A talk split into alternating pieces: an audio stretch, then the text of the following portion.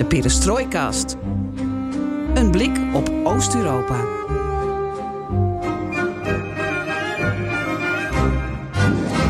Welkom bij BNR Perestrooikast. Aflevering 187 van de enige podcast van Nederland die volledig oog voor het oosten heeft en geeft. En in de vorige aflevering 185 hebben we jullie wat beloofd. Ja, ehm, wat meer inhoud. Ja, want dat was natuurlijk vorige was natuurlijk een beetje Het was een soort zomerspecial. gezwetsende ruimte. Nee, nou, het was leuk. Het was leuk, ook voor ons, omdat wij natuurlijk zoveel bezig zijn met, met die oorlog. En ehm, ja, de perestrojkas is gewoon ooit bedacht ook vanuit eh, onze energie en onze interesse in de regio over te brengen op andere mensen. En die regio is heel groot en, en het gaat om heel veel onderwerpen. Daarom vond ik het ook leuk om aflevering 186 met Hubert Smeets en Lisa Weder te maken. Want dan blijf je wel heel erg bij de harde inhoud. Maar het gaat wel over een heleboel serieuze vraagstukken. Dus niet zozeer om vakantie en leuke muziek. Maar goed, we hebben volgens mij duidelijk gemaakt in aflevering 185 dat alles tegenwoordig, cultuur, ehm, sport, hoe je het ook wil noemen, onder een vergrootglas ligt door eh, die oorlog en door de verschuivende verhoudingen in, eh, in Europa. En dat is ook onderdeel van aflevering 187. Eh, wel weer wat meer over vrede en veiligheid. Een aflevering die we bespreken onder meer met de Litouwse hoogleraar Dovile Jakniunaite. Je hoorde meer van haar in aflevering 185. Lithuanians are very, in general, not only politicians, but the public is very, uh, are rooting very much for Ukrainian success and want uh, to get as much as possible for it. So, of course, uh, many expected or hoped maybe to get this uh, more concrete roadmap, roadmap indications for NATO membership for Ukraine. Maar we hadden het niet alleen over Litouwen of over Oekraïne, maar ook over Polen en ook over Rusland en de toekomst van Rusland. Want daar weet ze veel van, van scenario's. Ja, ze kijkt daarbij ook naar de invloed van Wagner en de muiterij van Prigozhin. En Geert-Jan sprak met Jak Nieuwenaite in Vilnius, de stad waar ook de NAVO-top plaatsvond. En dus spraken ze ook over de veiligheids- veiligheidssituatie van landen als eh, Litouwen, Letland, Polen en Oekraïne. Ja, aan de ene kant heb je de NAVO-top met ontwikkelingen. En aan de andere kant heb je dus ontwikkelingen in Rusland en Belarus. En Dovile Lakionaite die plaatst dat dan in, groter, eh, in een groter plaatje. Ja, het gaat wat sneller dan de vorige keer. Je weet het inmiddels, alles ten oosten van de rivier de Elbe kan de komende weken, maanden, jaren in de podcast, in de perestrooikast worden besproken. En wat leuk is, is dat we heel sociaal en democratisch zijn. Abonneer je op ons, zodat je geen aflevering hoeft te missen. BNR Perestrooikast. Zoek ons op in je favoriete podcast-app. Ik ben Floris Akkerman Mijn naam is Geert-Jan Haan. en dit is BNR Perestrooikast.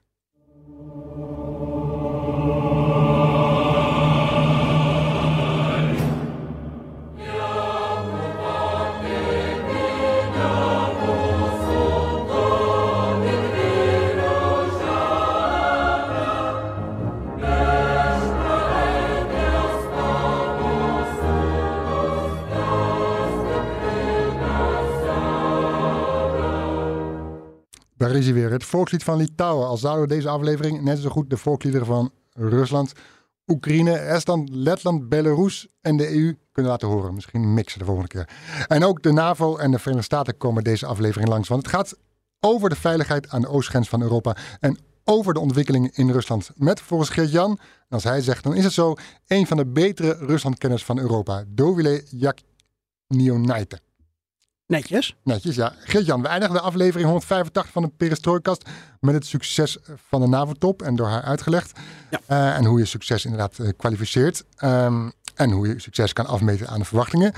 Mm, misschien kun je nog iets meer vertellen over het verwachtingspatroon dat er was voorafgaand aan die NAVO-top. Ja, het is inmiddels alweer drie, vier weken geleden dat duidelijk werd dat Oekraïne niet bij de NAVO zou komen. Maar daar ging het vooraf wel heel veel over.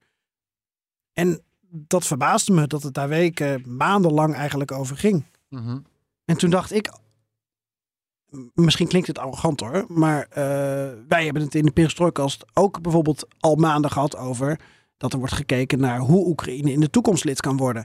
Volgens mij, als je ehm, ja, tv, radio, internet en, eh, en krant en al dat soort dingen zou volgen, dan zou je toch door moeten hebben dat het niet gaat over direct lidmaatschap.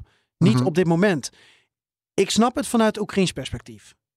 Want zij hebben geen nucleaire wapens. Zij hebben geen westerse boots on the ground. Zij zoeken dus eigenlijk naar een directe vorm van veiligheid, een directe vorm van garantie.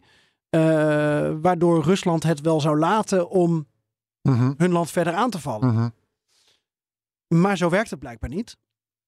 En wat mij dus opviel aan die top was dat Zelensky uh, door een aantal mensen als een vervelend mannetje werd neergezet. Goed, hij ging op een gegeven moment met een tweet ook wel met gestrekt been erin. Omdat hij vond dat wat er nu werd gepresenteerd, dat dat dan um, absoluut niet genoeg was voor de veiligheid van Oekraïne. Uh Ja, ik vond dat niet zo'n behulpzame tweet. Maar goed, dat mag allemaal. Maar ja, jongens, hij is ook een oorlogspresident. Vind je het gek dat hij vol op het orgel gaat? En dan kom ik bij uh, misschien voor sommige mensen nieuwe informatie, misschien soms ook niet. Dit verwachtingspatroon is ook gecreëerd mede door uh, Litouwen als gastheer, Letland, Estland, Polen. Uh, diverse mensen hebben bij mij aangegeven dat die landen, onder leiding eigenlijk van Litouwen, ook hoog hebben ingezet. Mhm. En hebben gekeken of ze Oekraïne daarin mee konden krijgen. En daarmee een blok vormen. En dan maar zien of de rest van de NAVO daar gevoelig voor was. Hoog inzetten. Zoals Zelensky met alles al anderhalf jaar doet. Ju- Just, just add one, one, sentence to the words of Secretary General, that what is very important about the Council that it's uh, not instrument of participation that is written there, that is the instrument of integration, and that's also give us such spirit that will be in NATO. Zoals Erdogan, als hij als Turkse leider iets wil van het Westen, ook doet. Ehm, ja, en nu kreeg Oekraïne voor hun gevoel een beetje het deksel op de neus. Maar ik weet ook niet of dat helemaal zo was, omdat ze natuurlijk wel ongelooflijk veel ehm, hebben gekregen op Ja, papier. er is ook weer nieuwe wapensteun, et cetera, bijgekomen. Ja, eh, maar er is zo hoog ingezet dat het verwachtingspatroon onrealistisch ehm, Mhm. is gebleken. Ehm, nou ja, en ik had het daarover met, eh met Dovile Jakniunaite, ook een beetje vanuit het, het, het Baltische perspectief. It's difficult for me to say internally how it developed. Uh, I know that uh, Lithuanians were looking for like what kind of how to define policy uh, coming towards NATO summit, how to define their goals, and uh, what also for hearing from from Estonian, for example, prime minister, and from Polish, uh, some coordination internal domestic uh, among this group of states uh, was definitely there, and I'm not sure about how if they coordinated raising with Ukrainians. Ukrainians definitely also made all the lobbying and pushing themselves quite actively as well. Had jij meegekregen dat Ben Wallace, eh, de minister van Defensie van Groot-Brittannië, had gezegd: eh, beste Oekraïners, het is geen Amazon, Ja. de NAVO. Ja. Ehm, Amerikanen waren ook wel pissig. Ik moet erbij zeggen dat Wallace, die had dit dan gezegd, maar verder was hij ongelooflijk pro-Oekraïns hoor. Dus het was ook niet helemaal eerlijk dat, hij zo, dat, dat men zo tegen hem tekeer ging. Mhm. Ehm, maar ze reageerden ook allemaal een beetje op dat tweetje van, van Zelensky over dat het absurd was wat het Westen hen, hen nu had aangeboden. Rutte reageerde iets rustiger. Wat had met aangeboden? Voor de luisteraar. Nou, niet eens een, een, een, een roadmap. Mhm. Ehm, dus niet, niet een directe weg richting NAVO-lidmaatschap. Geen direct NAVO-lidmaatschap. Maar een soort van belofte dat Oekraïne in de toekomst lid mag worden van de NAVO. Of lid gaat worden van de NAVO. Als iedereen het erover eens is. Mhm. En als aan alle voorwaarden is voldaan. En ik kan me wel vanuit Oekraïns perspectief voorstellen dat dat wel klinkt als iets dat nog heel ver weg is. Ja. En, en dat het op je overkomt alsof het Westen niet doorheeft hoe acuut de situatie nu is en hoe moeilijk het is om ehm, als land in oorlog te zijn. In een Mhm. oorlog die je niet zelf wilde. Mhm. Dus dat kan ik wel, wel begrijpen. En, en daarom nogmaals, het begon met een verwachtingspatroon. In aanloop naar die NAVO-top ging het ook over hele grote veiligheidsgaranties vanuit het VK en Polen. I am not having not clear evidence, but I assume that this position also by Baltic states also sometimes um, irritates or like maybe pushes too too far. It seems like uh, from the Western capitals it might look like that. Like maybe you should be more rational, more more considerate. That that that might be. I assume it is even. Uh, but the argument goes like we during this last year 2022 and half of uh, 23 we saw that actually public um, uh, this kind of outcries public push uh, public uh, criticism helps. For example in terms of germany in the uh, for germany we see that it it uh, moves german position. So when you get this kind of evidence you try to repeat and, and push that uh, further and again test boundaries. Ukraine, Ukraine, Zelensky definitely does that, like tests boundaries of patience of partners, and then comes back. So I think uh, our foreign policy does more or less uh, the same, maybe in more nuanced way. Ja, ik zat te denken, ook midden door jou. Ehm, nu lijkt het alsof er een clash is tussen, tussen de Baltische landen en Oekraïne versus het Westen. Maar je hebt natuurlijk ook een strook dat in het midden ligt. Nou, de positie van Hongarije kennen we wel. Polen is, is denk, denk, denk op de lijn van de Baltische landen. Maar je hebt bijvoorbeeld ook een interessante figuur. Een NAVO-militaire leider geweest. En nu president van Tsjechië, Petr Pavel. Ehm, Ja. eh, hoe is hij dan ook zo'n zo'n havik die meteen zegt Oekraïne moet zo snel mogelijk lid worden? Of eh, is, wat, wat is zijn rol hierin? Nee, Tsjechië ehm, is als land ehm, en als leiding van het land wel wat veranderd. Wij, wij hebben verschillende perestrojkas ook gemaakt over Tsjechië. En dat het natuurlijk een, een, een land is dat altijd voor vrijheid is geweest. En ook wel gesteund door, door de Amerikanen met Madeleine Albright, ook met haar Tsjechische roots. Mhm.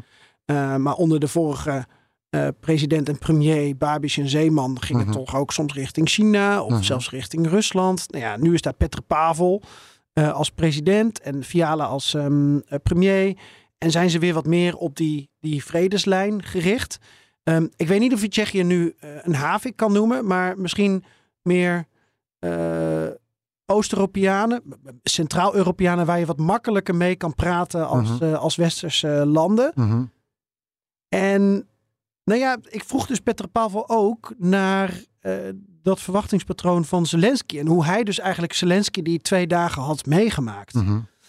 Zullen we een stukje luisteren naar hoe ja, hij... Sowieso uh, interessante figuur. Uh, de, ja, de heel interessant. Ja, ik wilde hem heel graag spreken. Ja, En, uh, mhm. uh, we zijn van harte welkom op de Burgt, een keer. Bij hem thuis. Zeker. Oh, heeft hij ons uitgenodigd? Uh, nou, dat maak ik er nu een beetje van. Oh, maar uh, we, wij nodigen onszelf overal uit. We, we, we, ik heb met hem gesproken, dus dan staan we er goed op. Oké, okay, is goed. The assessment depends on expectation. Uh, I, I believe that uh, the expectation on uh, the side of Ukraine was probably uh, too high. Uh, and uh, not uh, uh respecting too much realities uh, in that sense. Uh, I, I, have seen the frustration presented by President Zelensky yesterday.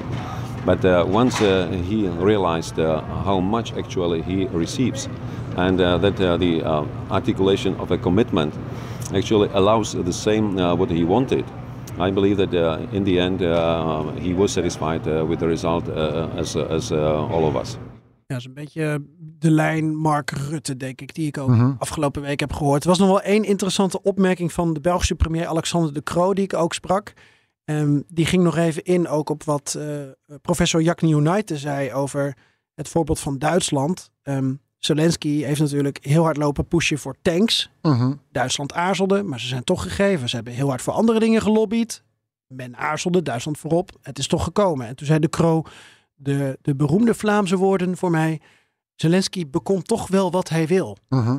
Is het niet vandaag, dan is het morgen. Uh, toen hij vroeg om tanks waren wij aarzelend. Toen hij vroeg om F-16's hebben we nee gezegd. En uiteindelijk bekomt hij meestal wel uh, waar, hij, waar hij op aanstuurt. Dus je kan alleen maar heel veel respect hebben voor hem op dat, uh, op dat gebied. Dus moet, moet je hem niet inpraten. Soms moet je hem zeggen, um, rustig, niet te snel. Uh, je zal waarschijnlijk wel bekomen wat je wil, maar, maar, maar trek onszelf niet mee in die oorlog. Hè. Dat is de zeer delicate evenwichtsoefening die wij moeten doen.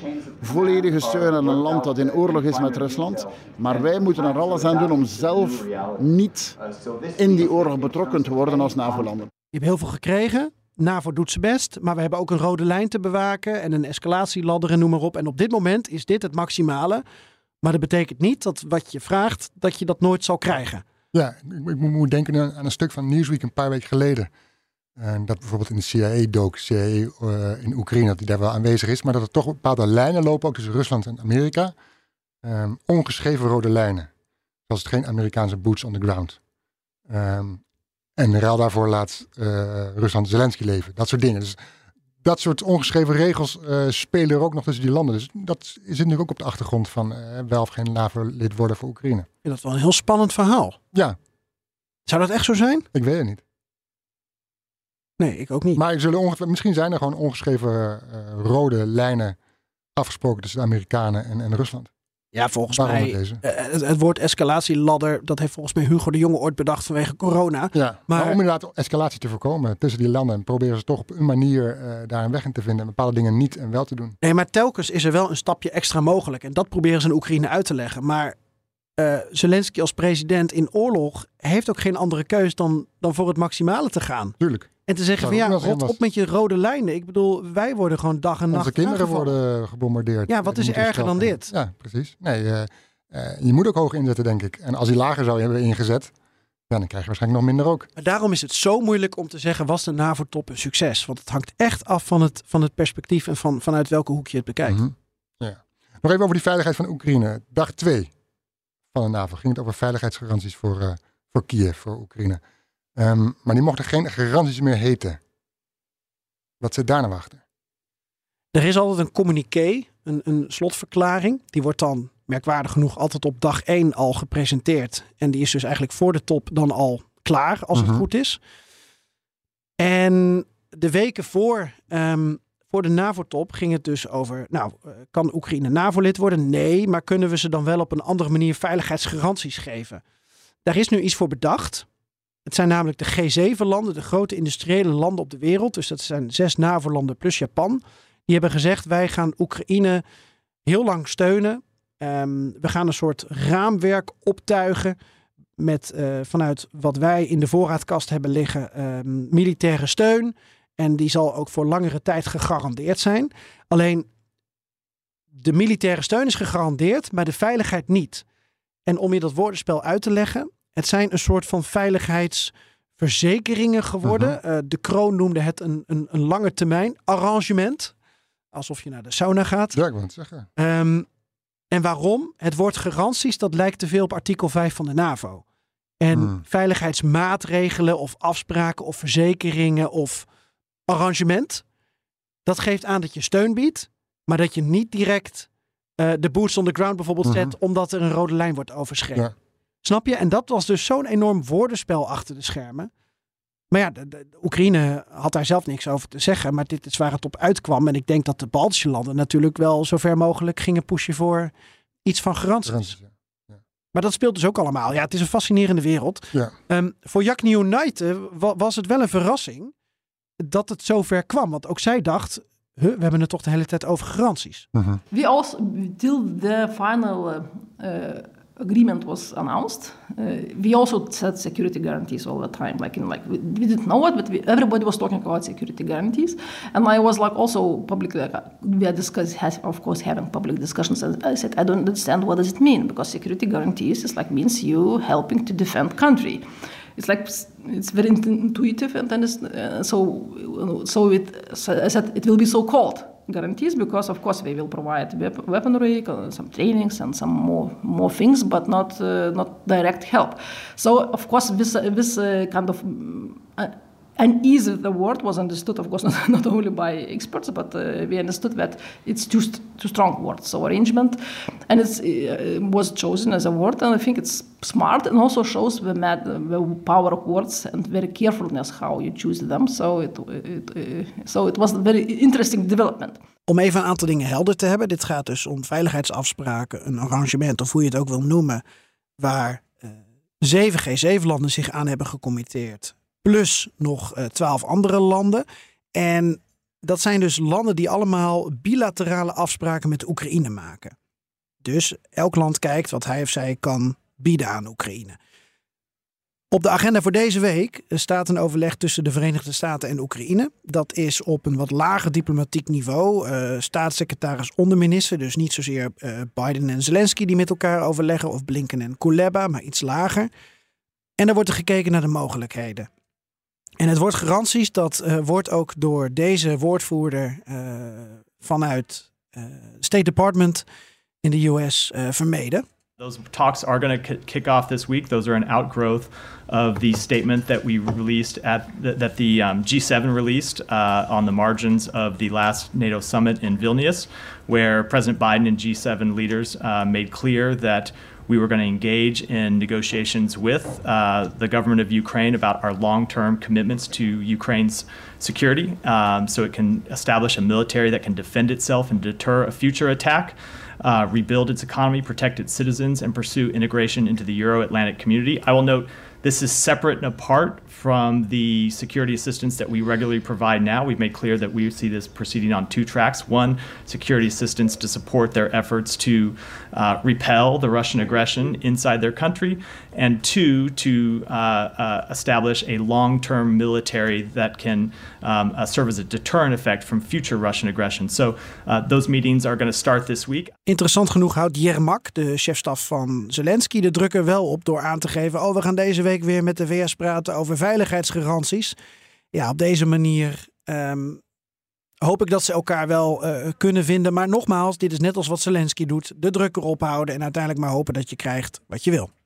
Oké, okay, dat is dus uh, garanties versus verzekering. Um, even een beetje weg van die NAVO-top. We blijven wel in Litouwen. En we kijken ook even naar Letland en Estland en hun veiligheid. Ja, daar roept ze eigenlijk al, wij spreken sinds hun onafhankelijkheid uh, om. Hè. Kijk uit voor die, voor die, voor die Russische beer. Um, uh, gebaseerd op hun geschiedenis. Rusland gebaseerd, komt altijd terug. Precies, gebaseerd op de geografie, gebaseerd op, op hun, uh, de bevolking die gedeporteerd is naar, naar, naar Rusland. Um, nu zien ze daar opeens mogelijk Wagner-troepen verschijnen in Belarus, ten zuiden van hen. Worden zij zenuwachtig van? Hebben ze het idee van, nou ja, die kunnen we aan met de NAVO erbij? Nou, wat is de reflex als je Wagner-troepen ziet opduiken of hoort dat ze gaan opduiken in Belarus, met name aan de grens met Litouwen geldt dat dan? Uh, dan is de reflex, uh, jongens, wij willen meer troepen vanuit de NAVO hier. Permanent. Uh -huh. we willen nog meer luchtafweer, we willen luchtsteun, we willen garanties. Uh -huh. um, en Jakni United legde uit dat ze een mooie discussie had met haar collega's hierover. Want soms lijken Letten, Esten, Litouwers te vergeten dat ze in de NAVO zitten. Dus dat hun veiligheidsgarantie niet verandert. -huh. um, in principe is de respons van het Westen sowieso vernietigend. Als iemand ook maar een vinger naar Narva in Estland, Rezeke in Letland of Daugavpils in Litouwen uitsteekt. Dus volgens Jack United moeten de Balten daar misschien iets nuchterder naar kijken. Iets minder zorgen maken. En iets meer kijken naar wat ze al wat ze al hebben. hebben. Ja. I was disagreeing with my colleagues and I was more like... Uh, because some of them said, oh, and of course, like, uh, and some of politicians said, oh, our security decreased because that. But I said, look, no, our security since second uh, war started it didn't change because Belarus is, was and is involved in, uh, in war, like providing uh, grounds, uh, territory, and uh, now nuclear change situation change. So, so this is important. If we get some thousand Wagner troops, it's like okay and so what does it change? Because uh, one of the discussions was like now we ca can come like green men yes when, when crimea so several thousand uh, hundred let's say green men will come. And and we, and and then yeah like it seems very threatening scenario but when asked so what? Like okay we come we are attacked we are like we are treated as terrorists yes. And uh, so it's like what can you do? We can just like make some disturbance and uh, our country will definitely can resist this kind of army if it wants. So uh, for me and even we don't need even uh, my guess it wouldn't need uh, more additional nato to need troops for that because there are some like americans and germans and, and uh, multinational brigade is already there. So so so for me it was kind of we're trying to find like on purpose we're trying to find more threats to be afraid of uh, so but it's i don't know if i majority here, but uh, I think uh, like that, like no. And now we, we know that he's not here. not yet. yeah. And we could turn it the other way around. We're, we're looking for more threats, uh, but we're also maybe looking for more security that we actually don't need because we're already in the NATO. Yes, yes. And sometimes it seems like um, we forget when we calculate all the risks coming from Russia and from war Ukraine and from uh, Belarus, uh, we forget that we are in NATO, and sometimes, uh, sometimes even start like feeling like we don't trust NATO. Five artic- Article Five guarantees, but if we don't trust while I'm in, in NATO. So I, I, we should always remember that. And I personally think that these guarantees are very strong, and uh, especially uh, what Russia has demonstrated. So we should trust in our partners, in our ability to, intelligence ability, and so on and so on. Ik, ik kan me wel iets voorstellen dat je niet helemaal gerust bent op artikel 5. Als je daar in het noordoosten van Europa ligt. Um, en alleen maar die Suwalki Gap precies, ja. over land met, ja, met Polen als precies, verbinding. Ja, dat je toch denk van ja jongens, eh, vergeet ons niet als het helemaal zover is. Maar voelen eh, eh, de Balten zich ook niet zeker naar nu Finland NAVO-lid is, in de toekomst Zweden? Dat geeft toch ook wel een dekking in de rug. Zeker, omdat ik van de militaire deskundige heb geleerd dat de Balten geen strategische diepte hebben. Oftewel, je zet één Ja. stap erin en je bent Je bent alweer eruit. Ja, ja. Ehm, dus je kan dat blijkbaar dan heel makkelijk bezetten, omdat de rest ja, zijn zeeën. Maar dat Mhm. zijn nu wel NAVO-zeeën. Dus, ehm, maar goed, ja, weet je, eh, volgens mij, Jakni United is van de school, heb dan ook een beetje vertrouwen in elkaar. Mhm. Eh, zeker nu eh, Rusland ehm, ja, deze respons ook vanuit het Westen heeft gekregen. Ik weet niet of die andere school in Litouwen dan denkt van ja, maar wat als Trump straks weer terug zou kiezen. Precies. En, en je moet misschien ook wel als land blijven, al is het misschien nodig, maar Ja. toch blijven roepen, blijven zeggen. Ja, overigens had zij het heel kort even over eh, Now He is not here. Ehm, ze doelde op Prigozhin ehm, in Belarus. Dat het niet duidelijk is of Prigozhin nu in Belarus is. Mhm. Terwijl ehm, ja, de roep om meer permanente troepen in Litouwen werd ingegeven door het feit dat Prigozhin naar Belarus zou gaan. Mhm. Ehm, dus zij pleit eigenlijk ook voor, jongens, laten we soms ook even gewoon afwachten en kijken naar bepaalde ontwikkelingen. Nog, nog even een ander, ander onderwerp dat we kunnen tackelen. Ehm, je zei al, Jack Nuyor Naite is een van de betere Ruslandkenners van We Europa. hebben het nu drie keer gezegd, deze podcast. Dus als het nu niet is, dan hebben we een groot probleem. Ja, nou ja, het zijn jouw woorden hoor. Ja. Ze even jou in de mond. Door jou uitgesproken. Ehm, ja, ik doe ook maar wat mij wordt opgedragen. Zo braaf ben ik. En je zag haar in Klingendaal spreken, eh, bij Klingendaal in april. Ehm, er is wat, wel wat gebeurd natuurlijk sindsdien. Daar hebben we ook aandacht aan besteed met eh Prigozhin en zijn muiterij en, en wat hij allemaal Mooie in, zijn- in zijn Podcast met Michel. Krielers. Ja, dat was, dat was aardig. Zo mag zeggen. Ehm, maar je zei, je zei ook dat zij goed kan vertellen over wat er in Rusland de komende jaren kan gaan gebeuren. En dan ben ik toch benieuwd wat zij, hoe zij kijkt naar die muiterij van Prigozhin. En wat, die, wat dat betekent voor de toekomst van Rusland. Nou, ik vroeg dat omdat zij dus eigenlijk in, in scenario's denkt. En eh, dan heb je een aantal scenario's en dan heb je allerlei aftakkingen van die scenario's. Maar om het makkelijk te houden, eh, Rusland kan drie kanten op volgens haar. Eh, democratiseren, een autocratie blijven en uiteenvallen. Nou, en met de muiterij van Prigozhin in het achterhoofd was ik toch benieuwd naar, ja, waar, waar zou dit dan inpassen in welk scenario en hoe Mhm. zou zich dat dan kunnen ontwikkelen? Ehm, nou, we hebben daar een klein beetje over doorgedacht. Eh, en ik vind het vooral interessant omdat de luisteraar daar misschien ook weer eigen ideeën bij krijgt. Eh, even een minuutje luisteren. Uh, democratization scenario is the most optimistic. It's uh, but it's very difficult. It- It's there, but it's maybe but uh, the the direction uh, most autocracies are uh, developing. It's uh, we are mm, staying staying trying to stay the, the same, changing some kind some kind of people in the system and leaders. So for me, if let's say assume very hypothetically that if uh, Prigozhin would have been successful, just it would be very still the same same state. Very s- some people would be uh, similar because he had support, it seems, in, uh, among some political elite, but some re- regiment uh, of so is one so uh, word which uh, in, in autocracies people like to use rents, like the division of rents, division of who gets what. Uh, it will be re- redistributed and then stabilized as well. Dus ze zegt eigenlijk, het was nog steeds een kleptocratie gebleven. Maar ehm, ja, Prigozhin en de mensen die hem hadden gesteund, die hadden dan aan de touwtjes getrokken. En dan werd alles herverdeeld en, en gestabiliseerd. Maar ja, Eigenlijk wat de Russen van, vaak zeggen over, eh nou, Poetin heeft alles al gejat. eh, Ja. eh, Als we een ander krijgen, jat die alles weer opnieuw. Wel met allerlei mitsen en maren natuurlijk. Maar dat werd dan voor nu misschien te veel en te ingewikkeld. Maar Mhm. ja, ik was nog wel benieuwd. tot slot, Floris. Ja, had die muiterij van Prigozhin überhaupt kans van slagen volgens haar? Wat is er nou gebeurd? Nog steeds breekt iedereen zijn hoofd daarover. Ehm, en ik vroeg dus Jack United. Ja, was het misschien op een bepaalde manier, zeker vanuit het Westen, ook wishful thinking? Dat we dachten, ha, daar gaat die Poetin. eh, koning is dood.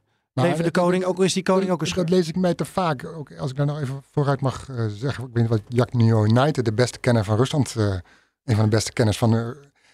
ik heb dat nooit gezien als iets richting Poetin. Het was toch tegen de legertop, tegen Shoigu, Shoigu en, en Gerasimov, die muiterij. Dus het feit dat Poetin überhaupt eh, het loodje zou leggen, of er had inderdaad een vervolg aan moeten komen vanuit die legertop, dat Poetin dan werd afgezet. Maar ehm, Dat ben ik helemaal met dat je was eens. toch niet. eh, als er u überhaupt Prigozhin iets in gedachten had, dan was het toch niet Poetin afzetten. Nee, want ze, ze noemen elkaars naam ook nauwelijks. Uh, Prigozhin zegt niet het was tegen Poetin gericht. Nee. En Poetin zegt niet het was niet de schuld van Prigozhin. Um, uh, als hij hem um, probeert uh, zwart te maken, dan praat hij nog om zijn naam heen ook. Mhm. Um, maar als ik dus, ik was op vakantie, maar als ik al die live blogs terugkijk en al die artikelen lees van die eerste dag, dan denk ik wel dat er in het Westen werd gedacht van nou, um, uh, de eindfase moet zijn dat Prigozhin uh, Poetin van zijn stoel wipt. Toch? Was Ja, dat niet de eerste uren de, de hoop dat- dat- of dat, dat- dat wishful thinking idee? Dat, dat kwam natuurlijk wel voorbij. Nou, dat kan gebeuren. Ik, bedoel, Terwijl je dan ook niet beseft hoe raar land Rusland is. Dat er geen enkel land is zoals Rusland, hoe dat werkt. ik vraag me eens af hoe in China ook, wat er in China zou gebeuren trouwens. Maar goed, Ehm, nee, tuurlijk, dit, dit, dit geeft aan van waar dat het houtje touwtje is natuurlijk. Dat van alles kan gebeuren elk moment. Ja. Eh, en ik moest ook vaak denken aan, aan die boerenopstand. en onder Catharina de Grote geloof ik. Ik ben even zijn naam kwijt. Weet je beter dan ik. Pugachev, 1770, zoveel. Nou, dat, dat idee had ik een beetje bij. Ik wil niet zeggen dat het hetzelfde is. Maar goed, de vraag was in natuurlijk, was Poetins eh, troon, was Prigozhin daarop uit? Maar goed, Nou ja, en was het dus we- vanuit onze, ehm, onze opvattingen, ehm, nou misschien niet die van jou en mij, van, maar, van anderen dan wishful thinking dat Prigozhin Poetin van de troon zou stoten en dat alles zou veranderen. Uh, I didn't think that it could be successful. Uh, uh, I don't believe that at the outskirts of Moscow, he will, nobody would be stop he, with his troops. It's like unimaginable. And, and second point, Prigozhin was very careful not to say that he's going to Moscow to overthrow Putin. He was like to talk in his way. Like, okay, we can don't take it as a, with a grain. We have to grain, with a grain of take this uh, idea with a grain of salt. But uh, for me, it's, it was uh, the coup that couldn't uh, be successful. Just uh, as an outside observer, I expected to take a little bit longer. So that was the main uh, surprise uh, for me. Floris Akkerman, bij deze ben je toch wel een van de betere Ruslandkenners van Europa. nou, dat weet ik niet. Het is gewoon ontleden hè, van wat is Mhm. logisch en wat is niet logisch Ja. eigenlijk. En een beetje, beetje uitzoomen en een beetje de rust bewaren en niet gelijk denken van eh, dit en dat kan gebeuren. Nou, daar moet je er ook aan denken, want je wil natuurlijk op scenario's voorbereid zijn. Dat je niet opeens, eh wat er gebeurt van, oh, Rusland dondert in elkaar en, en daar hebben we niet over nagedacht. Dus ik snap die reflex ook wel. Nou, en daarom is het heel interessant om de studies van Jacques United goed te volgen. Eh, ik zal in de show notes ook een link plaatsen naar haar eh, reden bij Klingendaal. Mhm. Van een minuutje of 10 à 15, waarbij ze nog meer ingaat op die opties democratisering, autocratie blijven of uiteenvallen van Rusland. Mhm. En ehm, dan geeft ze ook aan wat eh, ja, plausibel is en wat, wat niet. Wordt volgt dus, nou niet van haar, maar wel in de show notes, maar ook hier ongetwijfeld in de beste podcast over Centraal en Oost-Europa van Nederland. Naar verluid. Perestrojkast. Geert-Jan, dankjewel voor, voor je harde werk in, in Vilnius en in Letland. En voor het gefeest en voor het poepen op de wc. Oh, dat was, een andere afle- dat was de vorige aflevering. Maar fijn dat we het in twee afleveringen eh, toch erover hebben kunnen hebben. Precies, ja. En dan nu de enige echte die Poetin van zijn stoel kan doen laten vallen. ehm, is natuurlijk onze hofnaar Job Bosman. Joost Bosman. Job. Job. Joost je- Bosman. in Rusland moet je geen Job zeggen, want dat heeft een hele andere precies, betekenis. eh, mop, mop, Joost, mop, Job. Eh, Joost Bosman, kom er maar in met je mop. Bijna eng. Ja. ik, eh, ik zat vanochtend even wat, eh, wat websites te bekijken van eh, de vrienden van Tas en Ria en zo. En eh, ik vond het wel grappig dat er heel veel aandacht was voor de scheiding van Justin Trudeau. Dat ik dacht van nou, hebben jullie geen andere dingen om je zorgen om te maken? Maar blijkbaar eh, was dat groot nieuws. Nou ja, eh, alles, alles om af te leiden van Oekraïne natuurlijk. Hè? Ah, ja, natuurlijk, natuurlijk. Nou ja, ze zeggen nu wel dat er... eh, problemen, dat is de tactiek. Ja, ze zeggen nu wel dat er ook drones in Kaluga waren. Dus nou ja, eh, ook Kijk wat aan de hand. Dus, maar goed, hoe gaat het verder? Ja, wel goed. Een beetje aan het voorbereiden voor morgen. Dan is de uitspraak tegen Alexei Navalny natuurlijk. En we weten nog steeds niet waar. Of, dat in, eh, of in, eh, als journalisten in Moskou erbij kunnen zijn. Het wordt waarschijnlijk weer zo'n eh, scherm.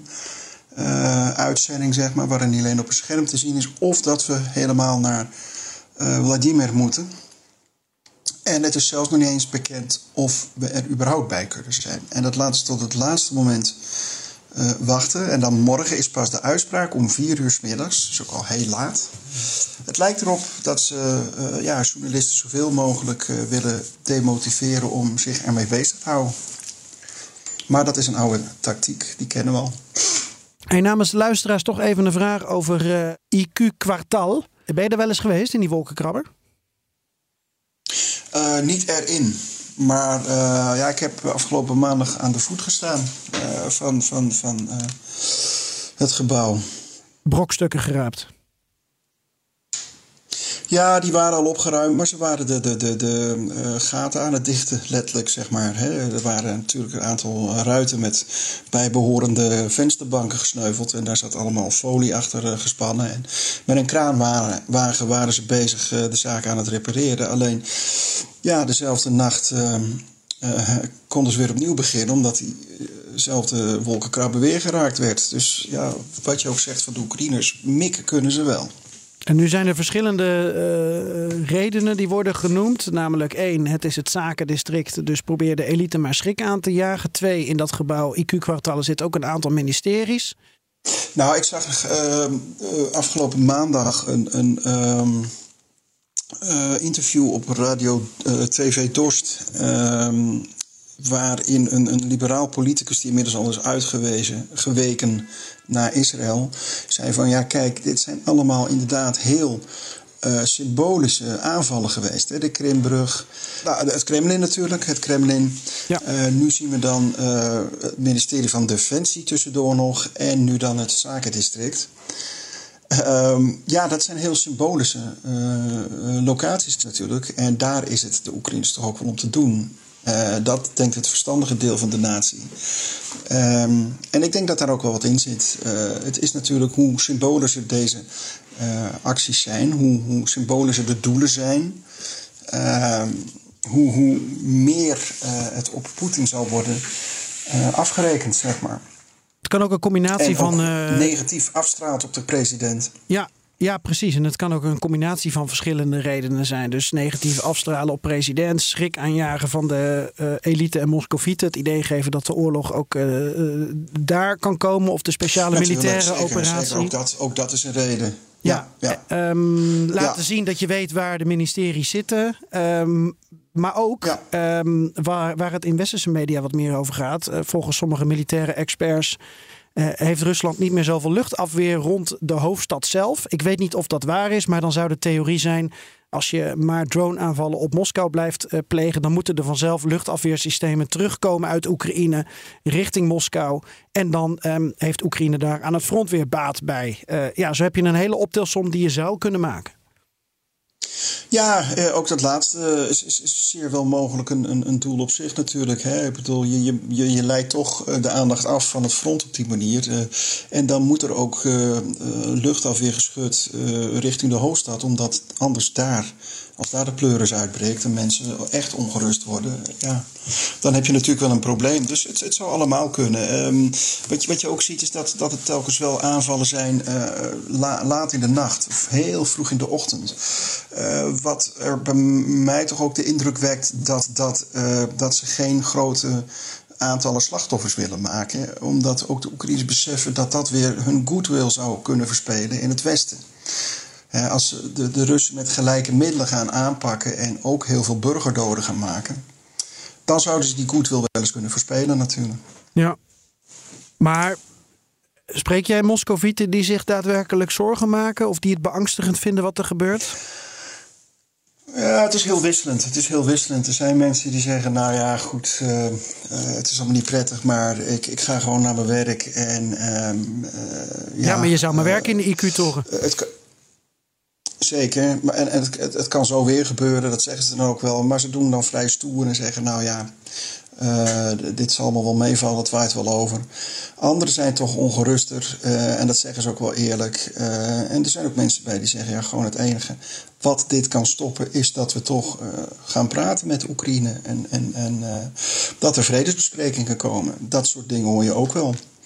Uh, mensen eerlijk zeggen. Ik heb eigenlijk niemand gehoord die zei van nou, we moeten gewoon keihard uh, er nog weer in. Uh, en nog veel harder dan, dan we al deden. En, en we moeten gewoon die oorlog winnen. nee, dat hoor je eigenlijk niet meer. Maar er zullen er ongetwijfeld zijn die er nog zo over denken. Maar dat is eigenlijk, hè, dat zijn die turbo-patriotten. Ehm, die zijn eigenlijk niet met zoveel. Dat is maar een vrij kleine groep. Mogelijk uh, hooguit zo'n 20, 15 tot 20 procent van de bevolking wordt er gezegd. Alleen zijn ze geweldig rumoerig. Ze zijn heel erg hoorbaar. Waardoor ze heel erg uh, aanwezig lijken en, en ook heel groot lijken. Maar dat is dus eigenlijk niet zo. Nee, en de hele generatie van 2014, uh, toen de pleuris in de Donbass uitbrak en, en we ook de ramp met de MH17 hadden, of eigenlijk uh, neergeschoten door een, door een boekraket. Ja, al die figuren die, die we toen van naam leerden kennen en die jij ook in persoon hebt ontmoet. Uh, Girikin Baradai, nou, zelf hebben Floris en ik Gorbachev nog gezien. Ja, dat soort figuren die worden nu de laatste weken opgepakt en de mond gesnoerd. Dus ook die turbopatriotten die, die verliezen wel wat aan kracht. Nou, je ziet ook op de, op de, mailblogs hè, die, die, dat, ze, dat ze toch allemaal redelijk gelijkgeschakeld zijn. En dat ze ophouden met hun kritiek. En het enige wat ze nu doen is eigenlijk zoveel mogelijk uh, Oekraïne uh, in zijn hemd zetten. En roepen dat de hele uh, tegen aanval, hè, die Oekraïne begin juni is begonnen, uh, om die uh, als, als, als een, als een uh, mislukking af te schilderen. dus daar is kennelijk toch wel inderdaad wat gebeurd in die kringen. En, en, en ik denk dat ze ook inderdaad, zeker na de arrestatie van Kirkin, toch allemaal wel een stuk voorzichtiger zijn geworden. En dat zie je ook op die blogs. Misschien hebben ze ook die instructies wel gekregen, dat zou kunnen. Um, dus ja, het is, het, het, het, het, is, het is natuurlijk. Uh, ja, Gierkin werd toch ook voor het Kremlin misschien te gevaarlijk. Zeker na de opstand van Wagner, de, de, de muiterij. Uh, is er in het Kremlin besloten van ja, we kunnen dit niet langer meer tolereren. Want anders uh, ja, gaat het misschien ontploffen. Wordt er nog een beetje gelachen? Kan je nog een mop vertellen af en toe daar op straat? Of uh, wordt dat niet gewaardeerd? Uh, nou ja hoor, ik, uh, ik, ik, ik, probeer ze te horen met name, zodat ik ze weer aan jullie kan doorvertellen. Aha. Hè? Maar het, ik, ik hoorde niet zo gek veel meer, dus ik moet altijd zelf actief op zoek. Misschien is dat wel tekenend. Nou ja, we gaan ook richting de 200e aflevering, Joost. Dus je bent inmiddels ook aardig aan ja, tappen geweest. Ja. Ja, zeker. De glazen vol. Maar goed, met, met humor. Uh, maar ik heb er één. Ik heb er weer één yes. gevonden. Yes, voor super. wat het waard is. Nou, vertel. Nou, er komen binnenkort vredesbesprekingen tussen Oekraïne en, en, en Rusland. En omdat uh, Poetin en Zelensky elkaar niet uh, rechtstreeks kunnen spreken, hebben, Oekraïne heeft dat zelfs per wet verboden aan Zelensky, zeg maar. Gaat Zelensky naar Istanbul en Poetin gaat naar Jeruzalem. Want, zo wordt er gezegd, uh, Joden hebben, die zijn gewend aan het praten tegen een muur.